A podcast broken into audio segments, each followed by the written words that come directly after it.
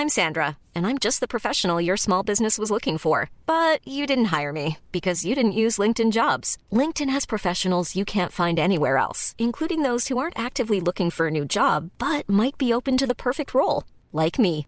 In a given month, over 70% of LinkedIn users don't visit other leading job sites. So if you're not looking on LinkedIn, you'll miss out on great candidates like Sandra. Start hiring professionals like a professional. Post your free job on linkedin.com/people today.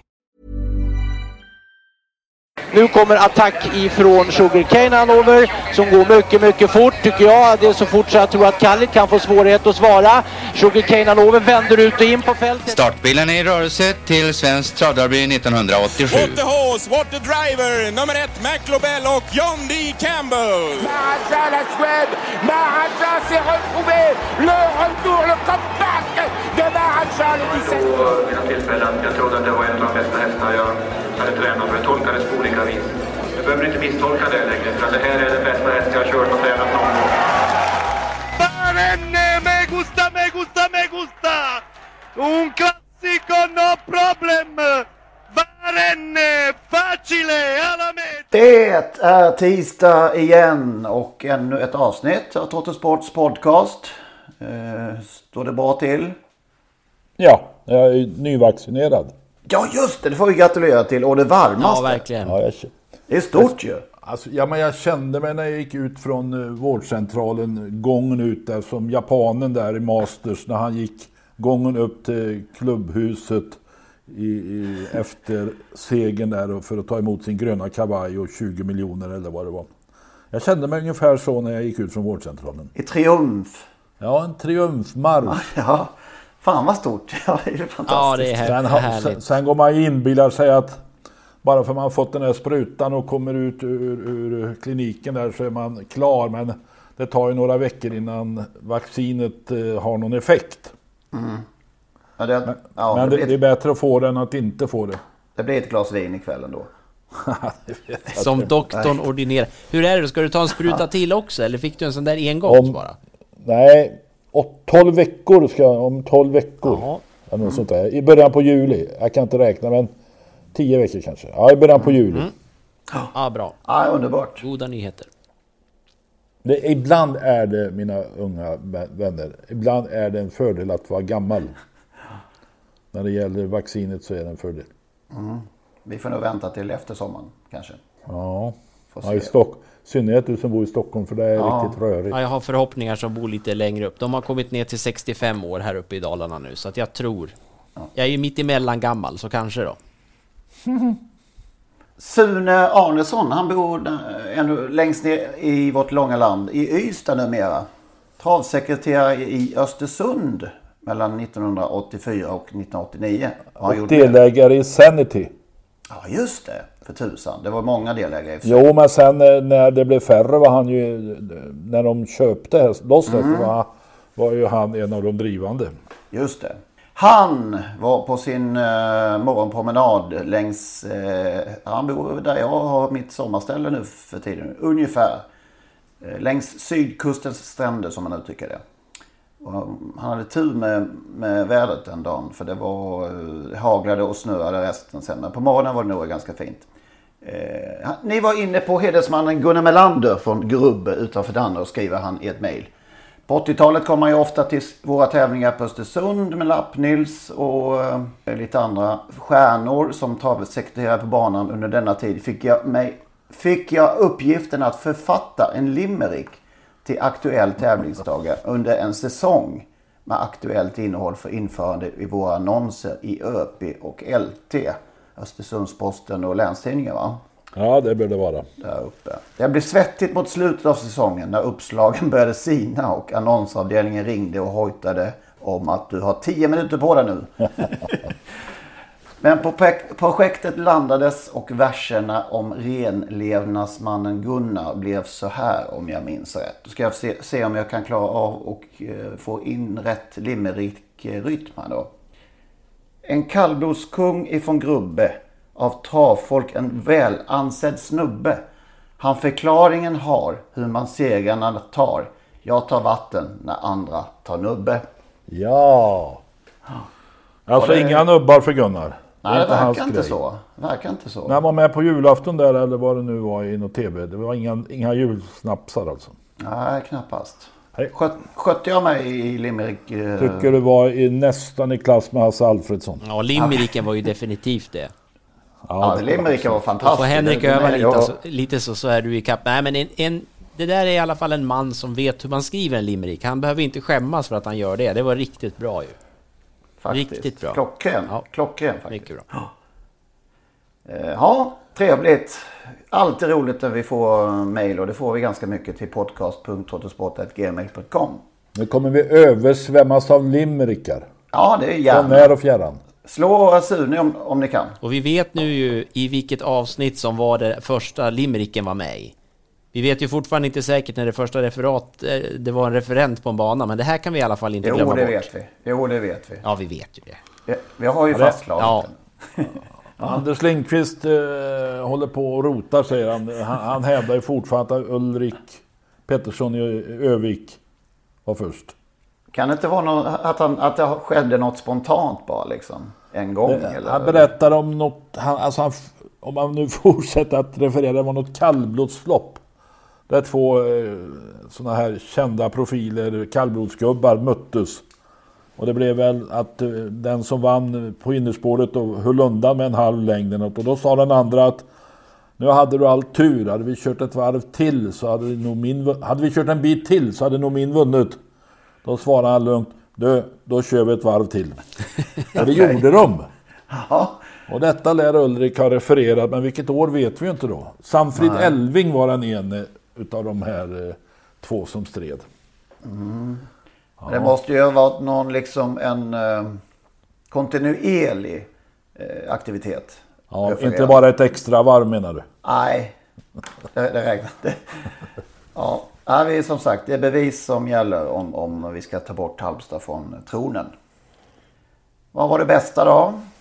Ja, det var ju mycket eh, som vi hamnar på gissar jag alla, alla tre här. Ecurydé, Hail Mary, deras årsdebuter som kanske inte sa jättemycket. Men det sa i alla fall att de är i rute som de säger i Norge. Eh, de ligger där de ska ligga ungefär. Ecurydé såg ju läcker ut som vanligt. Hail Mary stånkade på. Det var ju konstigt underlag. Så att det var väl eh, två sköna årsdebut. Och så den här duellen på Jägersro. Där man då trodde att Cyber Lane hade gett upp. Men han ger ju aldrig upp den där hästen.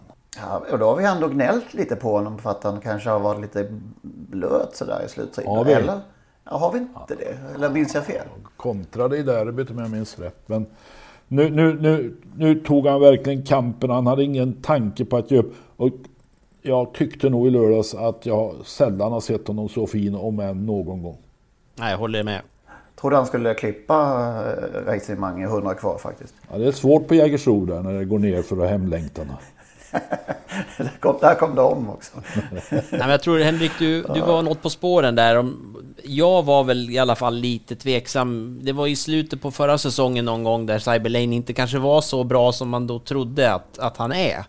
Han räckte inte riktigt till i något lopp vi pratade om, jag minns inte vilket. Men, men nu var han ju som sagt jättefin och det var, jag fick den här känslan förra året också när han kom ut att, att Johan hade hittat någon slags nyckel för han travade mycket bättre då än vad han hade gjort tidigare. Men nu var han ju ännu finare som Lennart säger.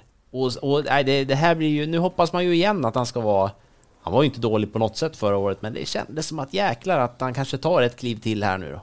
Han ser, sa ju någonting om det Johan inför eh, loppet här nu. Att han byter lite träningsfilosofi eller upplägg varenda vinter. Han hittar på något nytt varenda vinter för att han ska hålla hästen vid liv liksom. Det kanske... Det, det- verkar förnuftigt. Hålla på och nöta på enligt samma schema kanske gör att de, de ledsnar. Mm. Den där Bo Örberg, Örberg. Mm, och då lät han nu det här den, till den här Ja, veckan. alltså andra rak. Han höll på i 30 år innan han vann en V75-seger. Så vinner han på en vecka två stycken. Men fatta hur många dåliga hästar man har sett Bo Öberg köra under åren alltså. På Jägers. Alltså det, det som slog mig i lördags. Han, alltså det är ingen, ingen människa i världen som, i alla fall inte i, bland de här amatörer lite mindre kuskar som vågar inte ens ha en tanke på att utmana Björn Goop i ledningen. Nej, Men det, visst. strunt, det struntade Bosse i. Han bara körde. Och Goop förvånade då alla, gissar jag, och även Bo Söderberg, att släppa utan strid.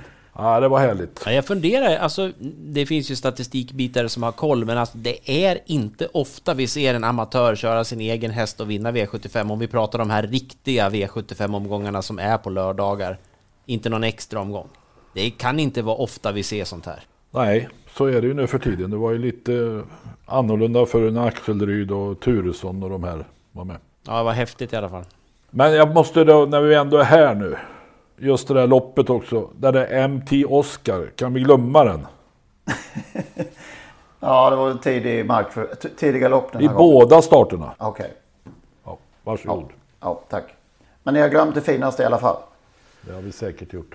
Ja, Honey Meras har ju äntrat ovalen för första gången. Ja just det, det var på Axvalla i 2021. Var det första testet. Första gången hos, sedan hon lämnade Peter Untersteiner för Daniel Redén och hon var ju, hon är lika söt i år. Fin. Ja, jag älskar den där lilla hästen. Ja, ja, det, var, det är en läcker häst. Men, men det, nu var det såklart jättebilligt. Eh, ja, det, det blir ju gärna så. Men hon visar i alla fall att hon, hon klarar 2640 meter. Det är många där som har varit ute i de där testen och, och fått bestämma på samma vis som inte har stått hem distansen. Ja, det ska bli spännande att se. Men hon kanske inte är de, bland de bästa. Men eh, ja, man kan gilla en häst mycket ändå. Ja. Jag skulle bara vilja gå tillbaka till onsdagen och Ecurydé där det mesta är sagt. Men jag, dels, det, det är en så otroligt speciell häst det där. Alltså han har ju, eh, beter sig ju som ingen annan före loppen. Han, beter, han går ju sån där piaff, han är som en dressyrhäst där. Och han, han ser ju eh, ja, helt överspelad, eller inte överspelad, överspänd ut på något positivt sätt. Det finns så mycket... Överspelad är han alltid. Nej, men han har, man, man, det här kan inte vara en lätt häst att, att riktigt hålla på med och därför tyckte jag det var så kul att se skötaren Tina Storetvätt där. Lugnet själv när hon tog emot biljetten av, av Malmrot där, välkommen till Elitloppet. Hon är... Jag tror att hon måste vara helt rätt person att sköta Ecurydé de eh, måste gå bra ihop. Det kändes så i alla fall, för den där hästen är ju säkert ingen lek att hålla på med.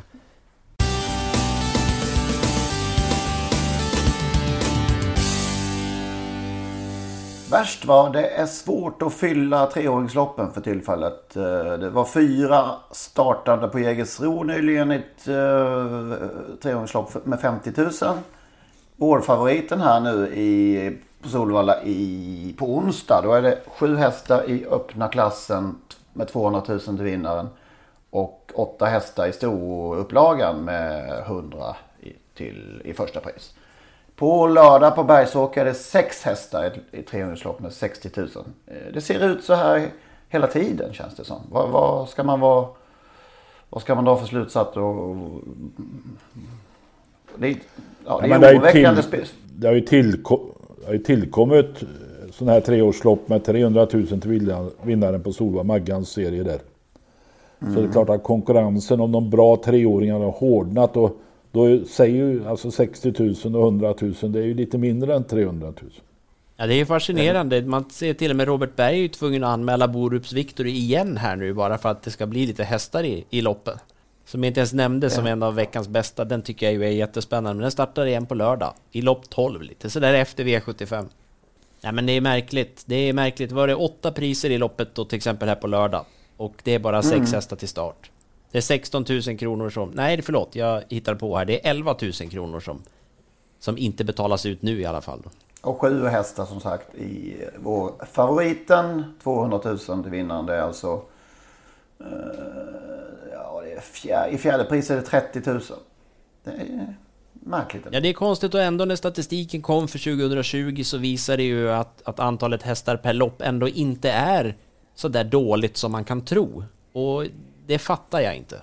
Känslan är inte bra i alla fall. Men, men eh, nej, och det, det, kanske, det, är ju, det kanske har förklaring. Nej, men absolut. Det känns ju som att man ser sådana här eh, lopp hela tiden, att det inte är fullt. Eh, och så kom den här statistiken för 2020 och, och visar något annat. Och sen vet inte jag om man tittar på, på enskilt på treåringslopp då, om det är värre där redan i fjol. Men det här är ju ändå märkligt. Ska vi prata lite om det? Det kanske inte är så himla många som är intresserade. Men vi tar lite snabbt om det här Danmarksavtalet. Eh, travronden har gjort en eh, gedigen genomgång de senaste dagarna. Det är alltså att det sedan 2018 då finns ett avtal mellan Svensk Travsport och eh, Dansk Hästevedelöb heter det va? Där syftet är att stärka den skandinaviska sporten, effektiva processer och harmonisera regelverk. Två år i rad har detta kostat Svensk Travsport runt 50 miljoner. 50 miljoner gånger två. Nej, gånger två då. Per, per år. 100, mil, 100 miljoner. Mm. Vad har vi fått Och- för det? Ja, ingenting tror jag. Tänk att sälja en vara för 100 miljoner och inte behöva, behöva leverera någonting. Men det är oro i leden. Det I de danska eller svenska leden? på de svenska. De är inte helt nöjda. Ja, men vid förra förtroenderådet i, i mars så skulle Danmarksfrågan upp. För det var extra fullmäktighet, eh, fullmäktigmöte samma vecka. Ett par dagar innan. Men Danmarksfrågan, Eh, tre dagar innan meddelade eh, Ulf Hörnberg på en informationspunkt att det inte var färdigt att tas upp. Så det ströks den gången. Sen hade man det här förtroenderådet och eh, då tog man upp det hela med, med banorna, de svenska banorna. Och meddelade då att man hade tänkt sig att dansk travsport skulle bli, skulle bli medlem i svensk travsport som vilken bana som helst. Varpå då reaktionen från de svenska banorna blev till en enda stor enighet och det är inte alltid man är det. Att eh, ja, nej, aldrig, aldrig i livet att det ska bli så Så, här. så dansk travsport skulle alltså bli medlem i svensk travsport? Ja, precis som de andra banorna är. Så Dan, Danmark skulle... eh, Få en plats liksom. En plats, okej. Och då skulle det upp, då ska det upp igen då i fullmäktige den 21 april. Eh, som det är tänkt. Men eh, då är det alltså struket igen. Eh, efter det här motståndet på det senaste förtroenderådet. Så att eh, eh, med hänvisningen att vi, vi, vi ska gå tillbaka till ritbordet. Oj! Ja. Där ja. Men en fråga då. Om, om nu Danmark blir en, eller får medlemskap i svensk travsport precis som alla andra banor. Då innebär det att de eh, kommer att få prispengar utbetalda av, av ST och så vidare. Då. Det måste ju vara att, alltså att de betraktas Mm. som vilken bana som helst och får då prismedel från ST. Men det var så sagt, det är inte, tydligen inte ofta det är sån här enighet i, i förtroenderådet. Men det var det den här gången. Så det, Tillbaka till ritbordet. Tillbaka till ritbordet och inställt den 21 april. Är Vem är det som ritar? Men alltså Sverige, Sverige har ju uppenbart en representant i det danska travsällskapets styrelse. Ja, det visst är det lite, lite anmärkningsvärt ändå att Pekka, Pekka Läder. Läderkorpi han tog över det efter Claes Lundell. Just det. Han sitter där då på ena sidan och eh, även om då eh, hans mamma Margareta Alavikola Mariana. Mariana eh, Alavikola inte sitter i förhandlingssits så är hon ju ändå ordförande då i, i Svensk Travsport. Så det är ju naturligtvis Kan det vara fighter hemma vid släktmiddagarna? Ja, det var ju intressant uttalande här då av, eh, av Pekka. Att eh, historiskt har travsporten varit en framgångssaga. Eh, Men idag finns det ingen beslutskraft någonstans enligt mig. Det behövs en modell där man kan ta beslut. Det är Ut- hård, hård, ut- Han kanske utmanar sin mamma om eh, ordförandeposten i ST. Ja, det var ju ingen, eh, inga fingrar emellan där i alla fall. Det är ändå Ja. lite uppfriskande. Intressant fortsättning i alla fall i denna fråga.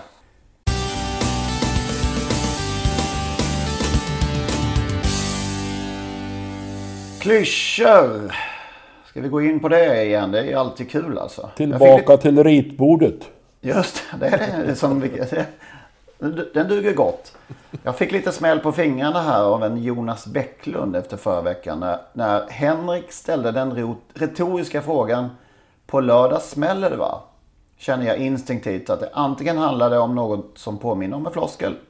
Eller att det nog är hög tid att ringa polis eller annan lämplig myndighet. ja, det kanske jag skulle ha. Ja, det var du värd. Ja, han, han är något på spåren där. Ja. Mitt bidrag den här veckan får bli Lägger ner sig i grejerna. Tänk eh, första gången man glider in i en, en travsändning och får det uppsmiskat i ansiktet. Lägger ner sig den här. Oj, titta vad han lägger ner sig i grejerna. Ja, alltså det där är Vad- ju gammalt... vad är det? Nej, det är ju gammalt stallbacksnack på något sätt. Va? Så sa man kanske i stallarna, lärlingarna kom in efter ett snabbjobb. Idag la han ner sig i grejerna eller efter ett lopp. Ja. Eh, och då, då, då sprids det ut till, till populasen här på något sätt. Va? Och det, Mm. det är ju förfärligt. Ja, det, Jag måste ju gå och förklara med, med, på ett bättre sätt med andra ord. ja, det var senast, jag tror det var Ekorridé som fick det epitetet apropå honom. La han ner sig i grejerna? Han la ner sig i grejerna. Ja, okay. Ja. Det är svårt ja, att förstå att det skulle vara någonting bra. Ja, just det. Till och med det. Det låter ju riktigt dåligt tycker jag. En som lägger sig på banan. Ja, det usch ja. Det är mera så liksom. Ja, Ja, det får en eh, motsatt effekt. Jag håller med om det. Motsatt betydelse. Ja, men det är sånt där, tyvärr. vad har ni innan vi går in på lyssnarbidrag? Jag har ju, eh, jag har ju en som ju utropas alldeles för ofta. Hoppas vara med i den främre träffen. I den främre träffen. Ska vi definiera Ja, det? Vad gör de där? Vad är det för något? Ja, det är ett gäng som springer omkring före de andra då. Eller? Nej, jag fattar Finns inte. det en bakre träff också? Är det roligare där än i den främre träffen? Sikta, sikta på att vara med i den bakre träffen på, Ja. på lördag. Det vore lämpligt här för, för nästa lopp eh, står jag så bra in på positionsmässigt. Så det det är väldigt bra om jag är med i den bakre träffen Ja. på, på lördag. Lennart? Ja, jag har en gammal sån där om han, eller möjligen hon, handlar om hästar. Om hästen har vaknat på rätt sida kan den vinna idag. Stod det i min tidning häromdagen. Och då undrar jag, för det första, vilken sida är den rätta? För, den an, för det andra, vem vet om hästen har vaknat på den rätta sidan? Vet man inte förrän loppet har gått. Nej, det är när man vinner ju. Han vaknat på rätt sida. Ja, Vilken, just för hästar, vilken är den rätta sidan undrar man ju också. Ja. Även för mig. Alltså, det, jag vaknar på olika sidor det tror jag. Jag vet inte om det har påverkat formen på något sätt. Ja. Det Ja. går att hitta bättre ord gissar jag. Om hästen är på rätt humör. Kan man kanske säga. Det är väl det man menar. Jag vet inte vad man menar. Jo, kanske. Ja. Här tar vi lite lyssnare då. Vad, har de, vad bjuder de på? Ja, Mattias Sundqvist börjar vi med. Ehm, vet inte om jag kan kalla det för ett floskel, men det är i alla fall ett uttryck som jag har mycket svårt för. Hästen dummar sig från start till exempel. Hur vet eh, kommentatorn att hästen är dum? Den kan ju vara rädd, ha ont eller tycka att travtävlandet helt enkelt suger. Hade ju varit lite roligare och mer relevant om uttrycket här har tränaren inte gjort ett tillräckligt bra jobb, jobb användes. ja, det, ja, det hade varit en utdömning. Ja, det hade varit mycket roligare. Jag hörde en sak i lördag så att eh, just det här med att eh, i startögonblicket att det är en fördel att köra när det är voltstart är det en fördel att köra utan checkrem. Det- För den här favoriten i första den gick väl utan checkrem där. Som jag inte kan namnet på. Eh, Konrads häst där. Från springspår där. Ja, det är en fördel att köra utan checkrem i voltstart, sa en välkänd kusk. Och då undrar det jag lite grann. Varför kör inte alla, eller i alla fall många fler utan checkrem? För det är väldigt sällan man ser det. KG Holgersson gjorde det. Ovan- Det är väl mer vanligt nu- numera ändå. eh. Ja, men hur... Alltså jag tittar på hela den dagen. Nu var det inte voltstart alltid, men... Kan det verkligen vara sant att det är lättare i voltstart utan checkrem? För vissa hästar förvisso. Ah, Ja, du är tveksam. jag är inte bara tveksam. Johan Grönholm. Eh, krossar allt läser jag nästan ve- varje vecka i olika tips. Eh, finns det verkligen inget annat att skriva om en häst som borde vara överlägsen kapacitetsmässigt? Krossar allt. Gillar han inte. Nej. Nej. Mattias Johansson, vår favoritmejlare igen. Eh, Vi tar ett lopp i taget. Hur ofta hör man inte tränare säga detta? Men i själva verket har de väl alltid en mer långsiktig plan. Sen hör man samma tränare, tränare säga det här är ett led i matchningen. Då tar man väl inte ett lo- ett lopp i taget. Utan det finns en utstakad plan. Ja, lite motsägelsefullt såklart. Krossa allt. Bygg något vackert eller krossa allt. Det viktigaste är att han står på fyra fräscha ben. Eller om han står på fyra fräscha ben. Hör man väldigt ofta. Både i lopp med låg prissumma och i storlopp. Men går inte travtävlingar ut på att vinna eller åtminstone placera sig bra? Nej, det är alltid viktigast att stå på fyra fräscha ben. Snabba sommarbanor. Banorna är väl inte snabba, tycker, tycker Mattias. De rör ju inte på sig i någon större utsträckning. Eh, Vi kör framåt, men den hade vi väl förra veckan? va? Ja, men den är ju så jäkla tröttsam. Ja, det gör väl alla. Vi avancerar framåt ännu värre. Ja. När två träter vinner en tredje. Hur ofta kör egentligen två hästar emot varandra stenhårt alldeles för länge undrar Mattias. Det kanske han har en poäng i. Den, den är lite för vanlig också kanske. Ja, hur vet man vem är den tredje då? Det är ju sällan det bara är tre hästar med i loppet. Det är klart att... Ja. Och var är den tredje? Sen undrar han till slut om de här snabba pengarna som vissa hästar tjänar. Är de mer värda än vanliga pengar? Jag vet inte riktigt. Ja. ja, kul i alla fall. Maila fortsatt in eh, om ni har fler på lager. Podcast.autosport.gmail.com Bra. Ska vi gnälla lite på ST? Vi kan väl försöka vara positiva om ST? Vad har hänt Ja. nu då? Vi är travsport. Ja, vi får se då. Eh, nej, men jag tänkte vi skulle börja med i alla fall. Jag skrev ju någon slags artikel om eh, en amatörtränare här förra veckan på trottosport.nu kan ni gå in och läsa. Och jag får, fick ju svar där från eh, eh Johanna Unghanse. Jag ställde ett par frågor till, till henne som jag senare fick svar på. Som jag tänkte jag skulle läsa upp. Det handlar alltså om om en aktiv i transporten uttrycker sig på ett visst sätt till exempel på sociala medier.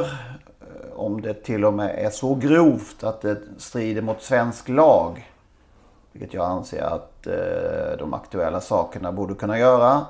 När det gäller till exempel hets mot folkgrupp. Om det skulle kunna inkluderas i den här uppförandekoden. Som ju har funnits i ett tiotal år nu och aldrig har nyttjats vad jag vet.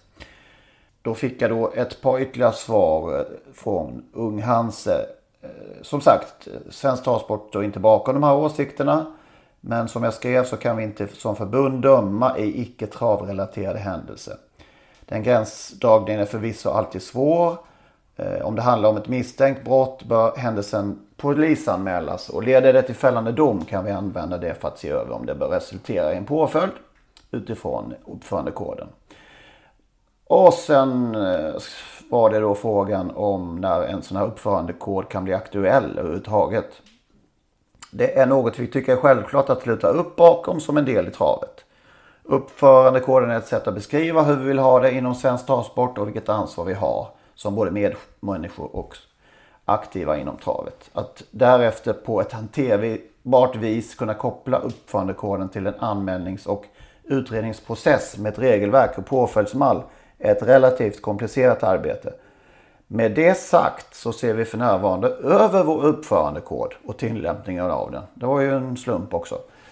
Att den just nu ser över, ser över den efter tio år. Vad har ni att säga om, om detta? Det låter ju som ST, kan man säga. Mm. Att man ser över, man fördjupar bilder, man, man eh, är ja, sen på bollen, kan man säga. Alltid.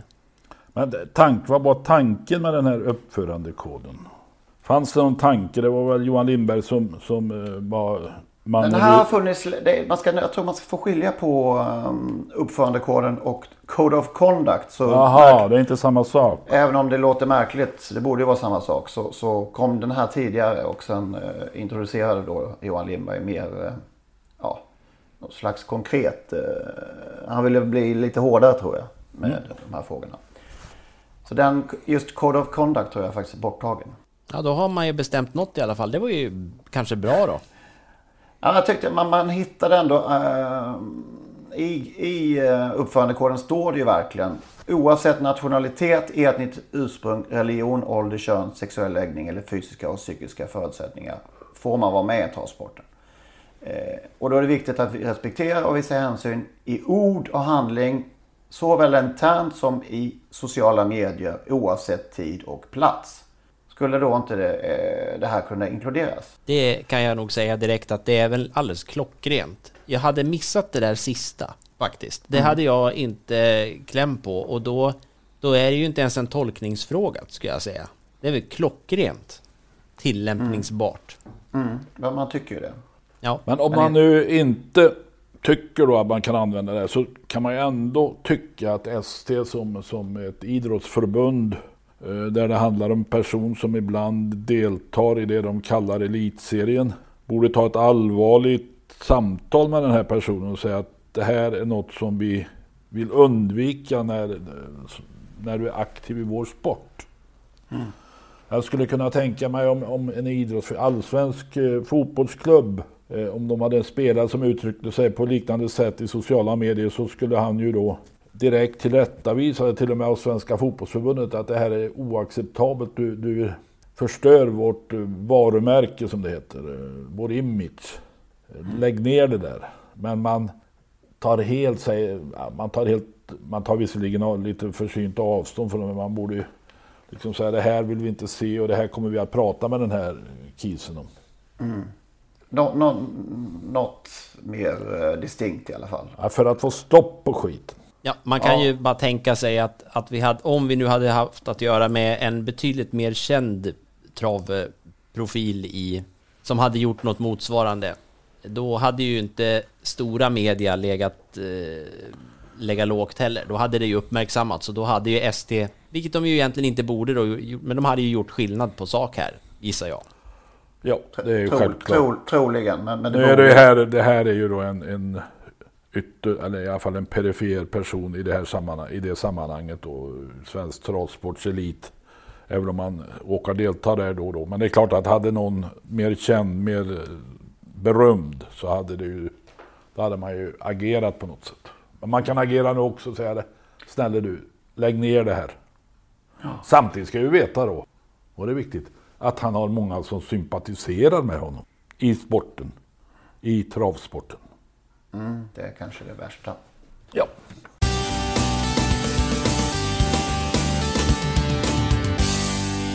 Eh, På tal om SDs obeslutsamhet så noterade vi i eh, senaste vd-brevet från Maria Kron att eh, bland annat, som jag fastnade för i alla fall, att en av hennes punkter där var att man framöver skulle angående debatten om jänkarvagn, barfotakörning och drivningar engagera oss och det engagerar oss och många andra.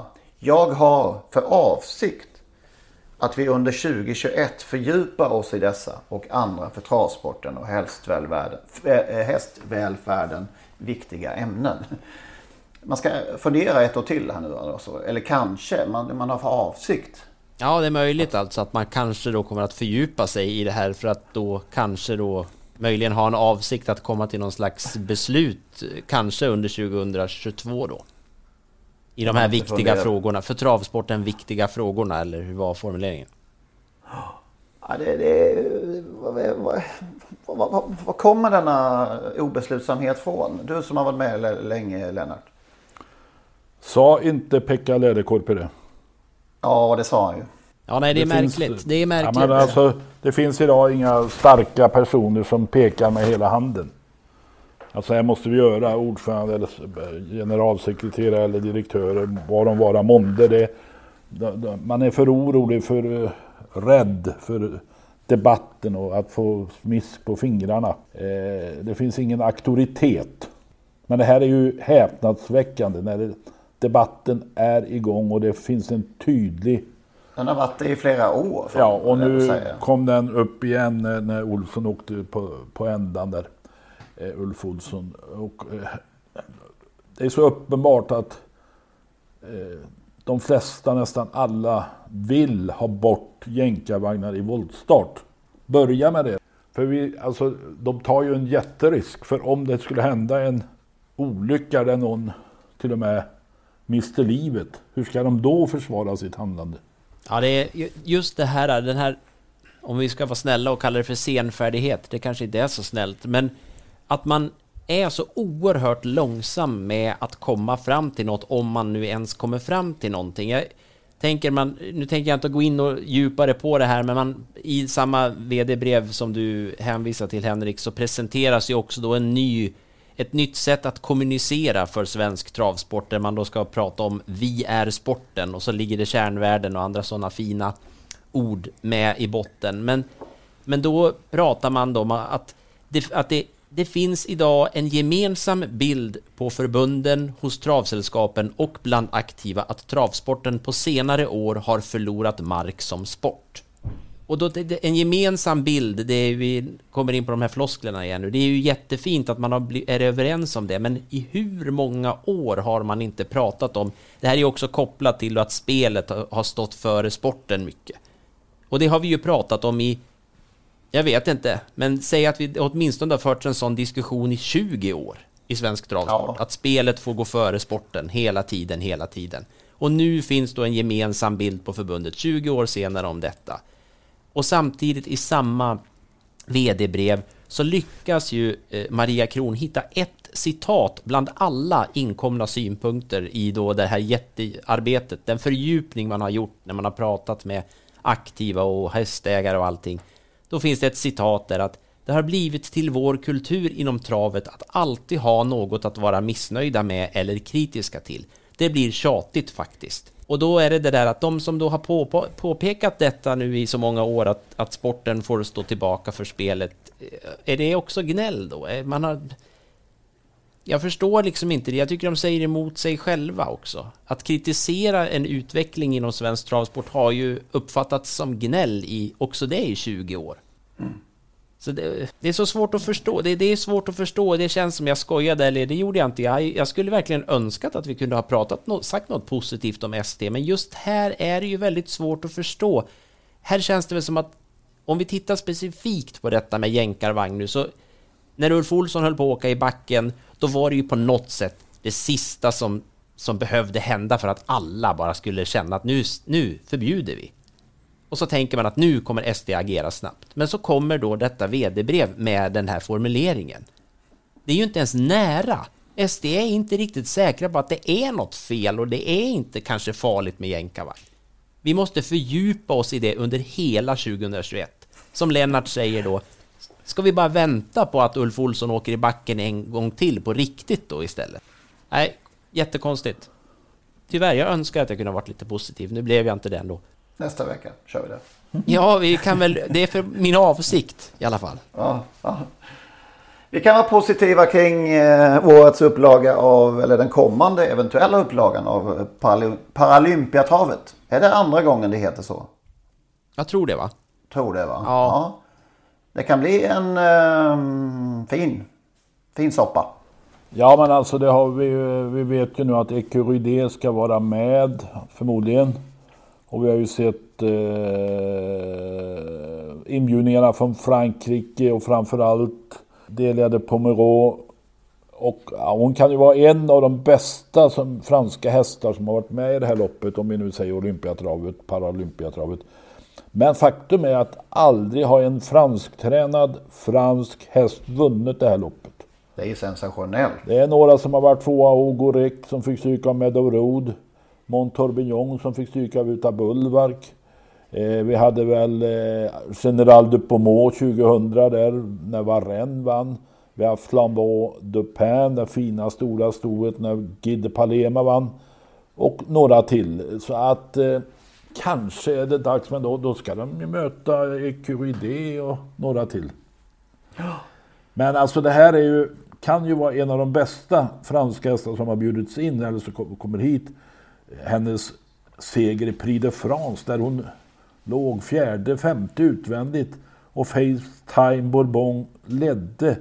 Hon fick en stygg sista kurva och ja, man gav ju henne inga möjligheter. Men sista 100-150 så ja, hon tog i som tusan och bara lyckades eh, ta sig förbi eh, eh, Björn Goop då. Hon har ju varit där som fyra i Prix d'Amérique och hon har ju många, många, många fantastiska lopp. Och så kommer Erik Raffin. Ännu bättre än vad vi tror. Eller för, många tror. Ja, det tror jag att hon är kanske inte jättekänd i Sverige. Men det är, det är mycket, mycket intressant start. Och det blir ett mycket intressant lopp. Vi vet ju att på lördag hos Ho kommer med oavsett om man vinner eller inte. Verk Kronos är redan med i Olympiatravet. Och det kan man ju då tycka, det räcker att han är startanmäld till ett av loppen, det är han nu. Och lovade en plats om han nu startanmälde, så det gjorde han. Och det, vad kommer spelsäkerheten där då? Alltså, från spår 11, Erik Adielsson behöver ju inte nu tror jag inte han gör det, men han har ju ingen som helst anledning att köra livet ur hästen. För han är redan inkvalad. Nej, på det sättet. hur har det blivit här egentligen? Det, det, det är varken... Det är något mittemellan mellan inbjudningslopp och eh, att kvala in. Ja, man kan ju bli... Alltså svensktränade hästar kan inte bli inbjudna om de inte har sta, äh, inte till ett av kvalloppen, eller försöken vad det nu heter. Semifinaler kanske det heter. Till. Deltävling. Deltävling numera. Ja. eh, och då, det innebär alltså att Cyber Lane som var med, blev tvåa i lördags, eh, kan bjudas in alla som var med i loppet. Och samma på lördag då hos Ho. Eh, jag utgår från att Hoso och Verry Kronos blir inbjudna oavsett hur det går i det loppet. Ja så är det väl redan. Det är väl, det är väl i alla fall när det kommer till Verry Kronos så är det ju... Han är ju inbjuden till loppet bara han är med, som du sa. Nej, bara han startanmäld står det i propositionen. Och det är han ju uppenbart. Ja men är det, ja, okej, det är så. För jag tänker här har man ju ändå sagt att, väldigt tydligt att han är inbjuden redan. De andra kan Jajamän. bli, men han är det redan. Ja det är det om man går ut i ett av loppen, mm. sa ju Jon Walter Pedersen. Och, och det där är ju, ja... Ja, det är inte som du säger startanmält. Så han kan alltså bli struken på lördag och ändå vara berättigad. Starta. Ja, det, det, borde i alla fall stå... Om man tolkar det. Ja, det borde i alla fall stått genomfört ett av de här del, en av de här deltävlingarna. Mm. Kan man tycka. Men ja, det är lite som du säger. Det är väl, man kanske borde bestämma sig här. Antingen är det ett inbjudningslopp eller så så... Ja men då får man ju inte ut hästarna i deltävlingarna om, om det är ett rent inbjudningslopp. Man vill ju... Man får hoppa över eh, Ja men man vill ju ut de här deltävlings... Eh, så att de drar spel och publik normalt sett i, i deltävlingarna naturligtvis. Mm. Ja, lite knepigt ändå. Ja, det är någon slags transparenslösning det här då att, för vi kan väl ana att det förr om åren ändå har varit så att det har fört samtal med tränare till hästar där man har sagt att du kommer att få vara med, men sen har man inte gått ut med det officiellt då. Nu det vet kan vi man ju utgå från. Nu, ja, precis, och nu, nu vet vi ju att, att, nu är det ju mer öppet det här, men det är ju ändå intressant då att, att vissa hästar har den här inbjudan villkorad enbart med att vara anmäld medan andra kommer att köra höll jag på säga, för glatta livet för att verkligen vinna ett uttagningslopp då, eller en deltävling heter det. Eh, det är klart att det kommer ju att påverka hur loppen körs och loppen ligger på V75 och det är klart, det är förutsättningar som vi känner till när vi tippar då, men det blir ju lite charmlöst. Ja, ja. men det är ju så på lördag, Örjan Kihlström, Pasi Aiko vet ju att de kommer att bli inbjudna även om Hoso förlorar. Verikronos är redan inbjuden och det, det kan ju då bädda för Disco Volante. Om inte han också redan är lite inbjuden? Nej, det, de, kan ju inte, de kan ju bara ha tio hästar. Ja, tidigare, vi ska säga det, tidigare var det ju två eh, hästar från varje uttagningslopp som det tror hette då på den tiden. Ja. Eh, som eh, direkt kvalificerade sig. Så var det. Eh, så det är lite skillnad där också. Det borde heta delvis tävling och inte deltävling. Men om vi bortser från det så, så, så, kan det ju bli ett oerhört bra lopp med de här två franska hästarna med Ecuride, med Hoso, med Verry Kronos, med eh, Racing Mange eh, och Cyberlane. Och vem vann den första nu då? Ja, det var Racing Mange. Det, var, det, var det började ju i lördags. Ja, ja, det var första. Ja. Eh, och så... Eh, ja, det, det, det, ser spännande ut. Och så är det ytterligare ett sånt där en deltävling kvar och dessutom så kan den som vinner i Örebro första maj komma med om den vill. Den, de andra måste vara med. De det står det inte heller. Jo, de är skyldiga att eh, starta. Vinnarna i Paralymp alltså, bla, är kvalificerade. Det står inte eh, skyldiga. Jaha, jag tyckte jag läste skyldiga att starta.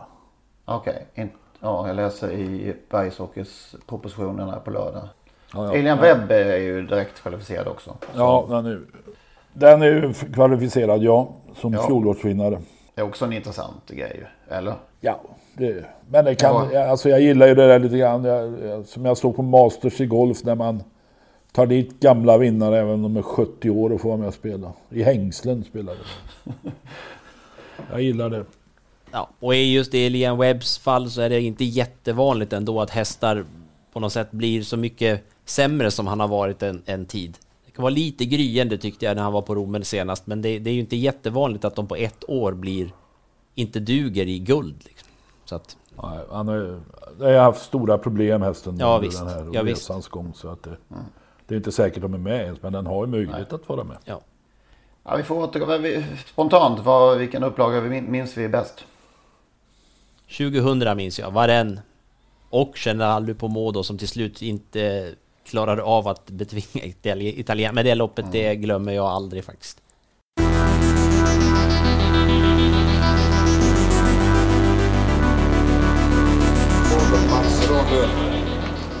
Nummer två, Fridhem Sandra, Stefan Söderqvist. Nummer tre, General Dupomo, Jules Lepentier. Nummer fyra, Tipton Björn Larsson. Nummer fem, Miranda Lux, Karl-Erik Lindblom. Nummer sex, Indian Silver, Stig Johansson. Nummer sju, Jan Cat, Niklas Rosell. Nummer åtta, Scandal Play, Bo Eklöf. Nummer nio, Eastender, Fredrik B Larsson. Och nummer tio, Varen, Campiolo, Minucci.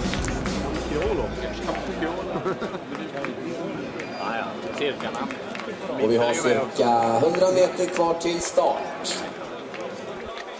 50 meter. Där lämnar startbilen fältet. Ett går i fyra Tipton längst ut, nummer åtta Scandal Play öppnar bäst. Ett går i fyra Tipton kör om ledningen längre ut, nummer åtta Scandal Play. Sedan är det två Freedom Sambra, nio, nio Eastender och tre General Dupomo. Därefter nummer tio Varenne. Bara 500 meter kvar nu, hästarna går in i sista kurvan. Fyra Tipton, får nu hård press och tre känner aldrig på mål längre ut. Tio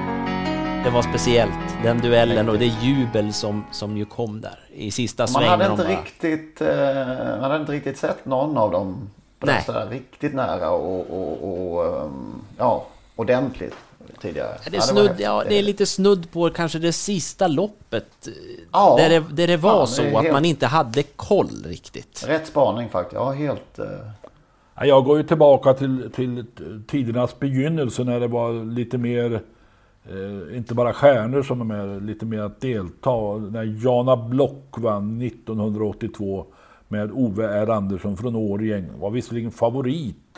Men det var lite annat motstånd på den tiden.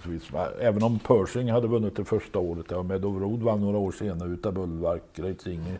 Sugarcane Hannover är ju naturligtvis det loppet som alla minns bäst egentligen.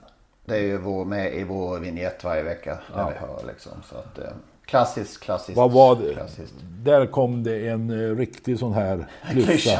Som jag Ja, tycker börjar användas mer och mer. Jag vet inte om vår vignett har något med det att göra. Nej, det tror Vänder jag ut och Det var ju, in. var ju Bosse Blomqvist. Vänder ut och in. Men det har, nog, det har nog sagts på, eh, på åskådarplatser och på, i totokörer under, under många, många, många år. Jaha. Eh, första upplagan var väl på Jägersro när Ingmar Stenmark var på plats. Och, Ja, och var livrädd han skulle dela ut pris. Fullständigt Ja. livrädd. Pershing. Och Pershing han var ju lite elak tror jag till och med. Ja. Express Kaxe 2. Det var ju Ja, fantastiskt. Fantastisk första upplaga. Pershing 1, Express Kaxe 2. Två Klart. Europastjärnor alltså. Inte undra på att det fick en skjuts det här loppet. Nej, det har hängt i. Nej, det, vi behöver inte läsa alla de som har vunnit genom åren, men vi pratade ju förra veckan om en av de bästa listorna med vinnare på. När man tittar på den här Olympiatravet, numera Paralympiatravet, den listan så är den ganska kaxig den också. Ja, men vi sa inte riktigt så, utan vi sa ju förhållande till Ja, loppets riktigt. dignitet och prissumma. Ja, det är sant. Det är i alla fall att man kan i alla fall frossa i bra hästar när man tittar på båda de historielistorna.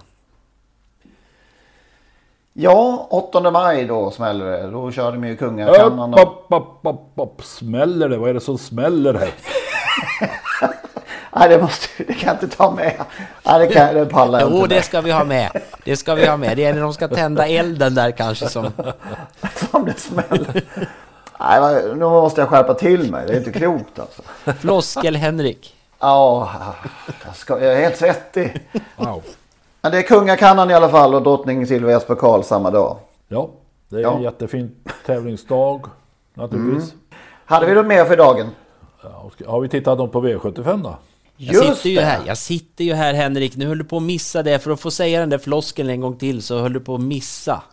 Ja. Ja, det kliar lite i V75-fingrarna på mig. Jag vet inte hur det är för Lennart. Han har ju fått en spruta och allting, det kanske händer grejer. Ja, absolut. Det är alltså... Ja, ska vi köra igång där? Ja, det tycker jag. Ta du Lennart, du får... eh, Nej, men ja, alltså det är ju... Det är två intressanta dueller, men den ena duellen kan sluta med när två träter. Sådär Då smäller det. Eh, eh, naturligtvis blir Odd Herakles jättefavorit där i kallblodsloppet i form av bättre läge. Men Månlycke, jag ska ta med Månlycke, jag kanske ska spika honom. Och så är jag lite inne på där i, i Assar Engbloms lopp, alltså delfinalen. Deltävling heter det. Att Disco Volante tar ledning och kanske får springa där orörd. Alltså jag tror inte Örjan vill satsa allt för hårt och Erik kommer inte göra det här från spår 11. Så varför inte en tredje häst där? Och så har jag hittat någon liten halvskräll tror jag. Lovely OO i fjärde avdelningen. Alltså Ottos häst Lovely OO. Eh, Den kände storspelaren, ja, storspelaren, spelaren Per Ottosson. Lovely OO. Den gick bra efter galopp senast. Håller den sig på benen? Och så vidare. och så vidare. Har den vaknat på rätt sida? Så kan den vara med i den främre ja, då, träffen. ja, då kan den vara med i den främre träffen. Ja, vi, börjar få ihop, vi börjar få ihop bitarna. Det var mitt bidrag till... Mm. Tyckte vi hade två bra Farlander, Am och Oxidizer förra veckan för den delen. Just det. Ja, några stycken där. Nej, jag eh, tar dem, höll jag på att säga, i rätt ordning. Det- I vinstordning. Nej, men jag tror i första avdelningen så tycker jag att eh, Mass Capacity nummer sju. Det gick väldigt bra på Romme, hamnade helt fel till då. Och det är väl, han hade sjunde spår bakom bilen då, och det har han nu också. Dessutom är det 500 meter kortare. Så att, med allt det sagt så tror jag i alla fall att han är... I ett ganska ojämnt lopp tycker jag att han är jätteintressant. Och sen den som jag har fastnat för mest i omgången är nummer 5 OK Nalan i V75 2. Som är ett klass 2-försök över långdistans i volt med ett femte spår där på OK Nalan. Kanske inte optimalt. Men Björn Goop upp på en häst som Ja, det känns som långdistans är helt perfekt för den här hästen och han har gjort många bra lopp. Eh, jag tycker han är jätteintressant, speciellt eftersom Magnificent Toma där kommer att bli ganska stor favorit. I, tillsammans kanske eventuellt då med nummer 11 Global Attention. Men jag tycker OK Nalan är en jätterolig häst med, med Björn som ju förstärker kraftigt i sulken. Du vurmade ju för Power Blaster här i senast, senast på Romme. Det gjorde jag. Ja, det var du som gjorde det. Ja, båda två. Vi var nog ganska överens. Ja, vi var överens Jag möter. Deal Done Set, men det är klart att ska man gardera så är Power Blaster... eh, Den gick ju tungt och bra lopp senast. Väldigt bra var Varför inte? Jag vet inte hur bra det här Deal Done Set är. Nej, och Men den bara då- vinner och vinner. Det är massa ettor. Etto. Ja, det- det... ska Det bara vara staket. etto. Staket. Ja, nu har vi slutat innan det spårar ur helt. Ja, nu spår, är på väg att spåra ur. Ja. Vi säger så och eh, hörs om eh, sju dagar ungefär. Ha det gött. Hej då. Hej då.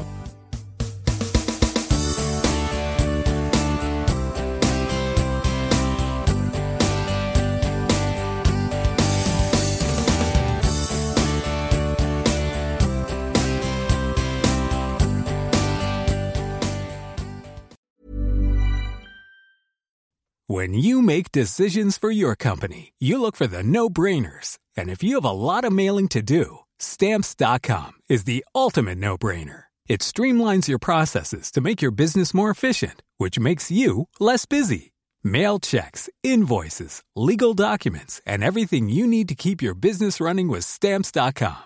Seamlessly connect with every major marketplace and shopping cart. Schedule package pickups and see your cheapest and fastest shipping options from different carriers with rates up to 89% off USPS and UPS rates. And with the Stamps.com mobile app, you can take care of mailing and shipping wherever you are. Make the same no-brainer decision as over 1 million other businesses with Stamps.com. Sign up with Code PROGRAM for a four-week trial, plus free postage and a free digital scale. No long-term commitments or contracts. That's Stamps.com. Code PROGRAM.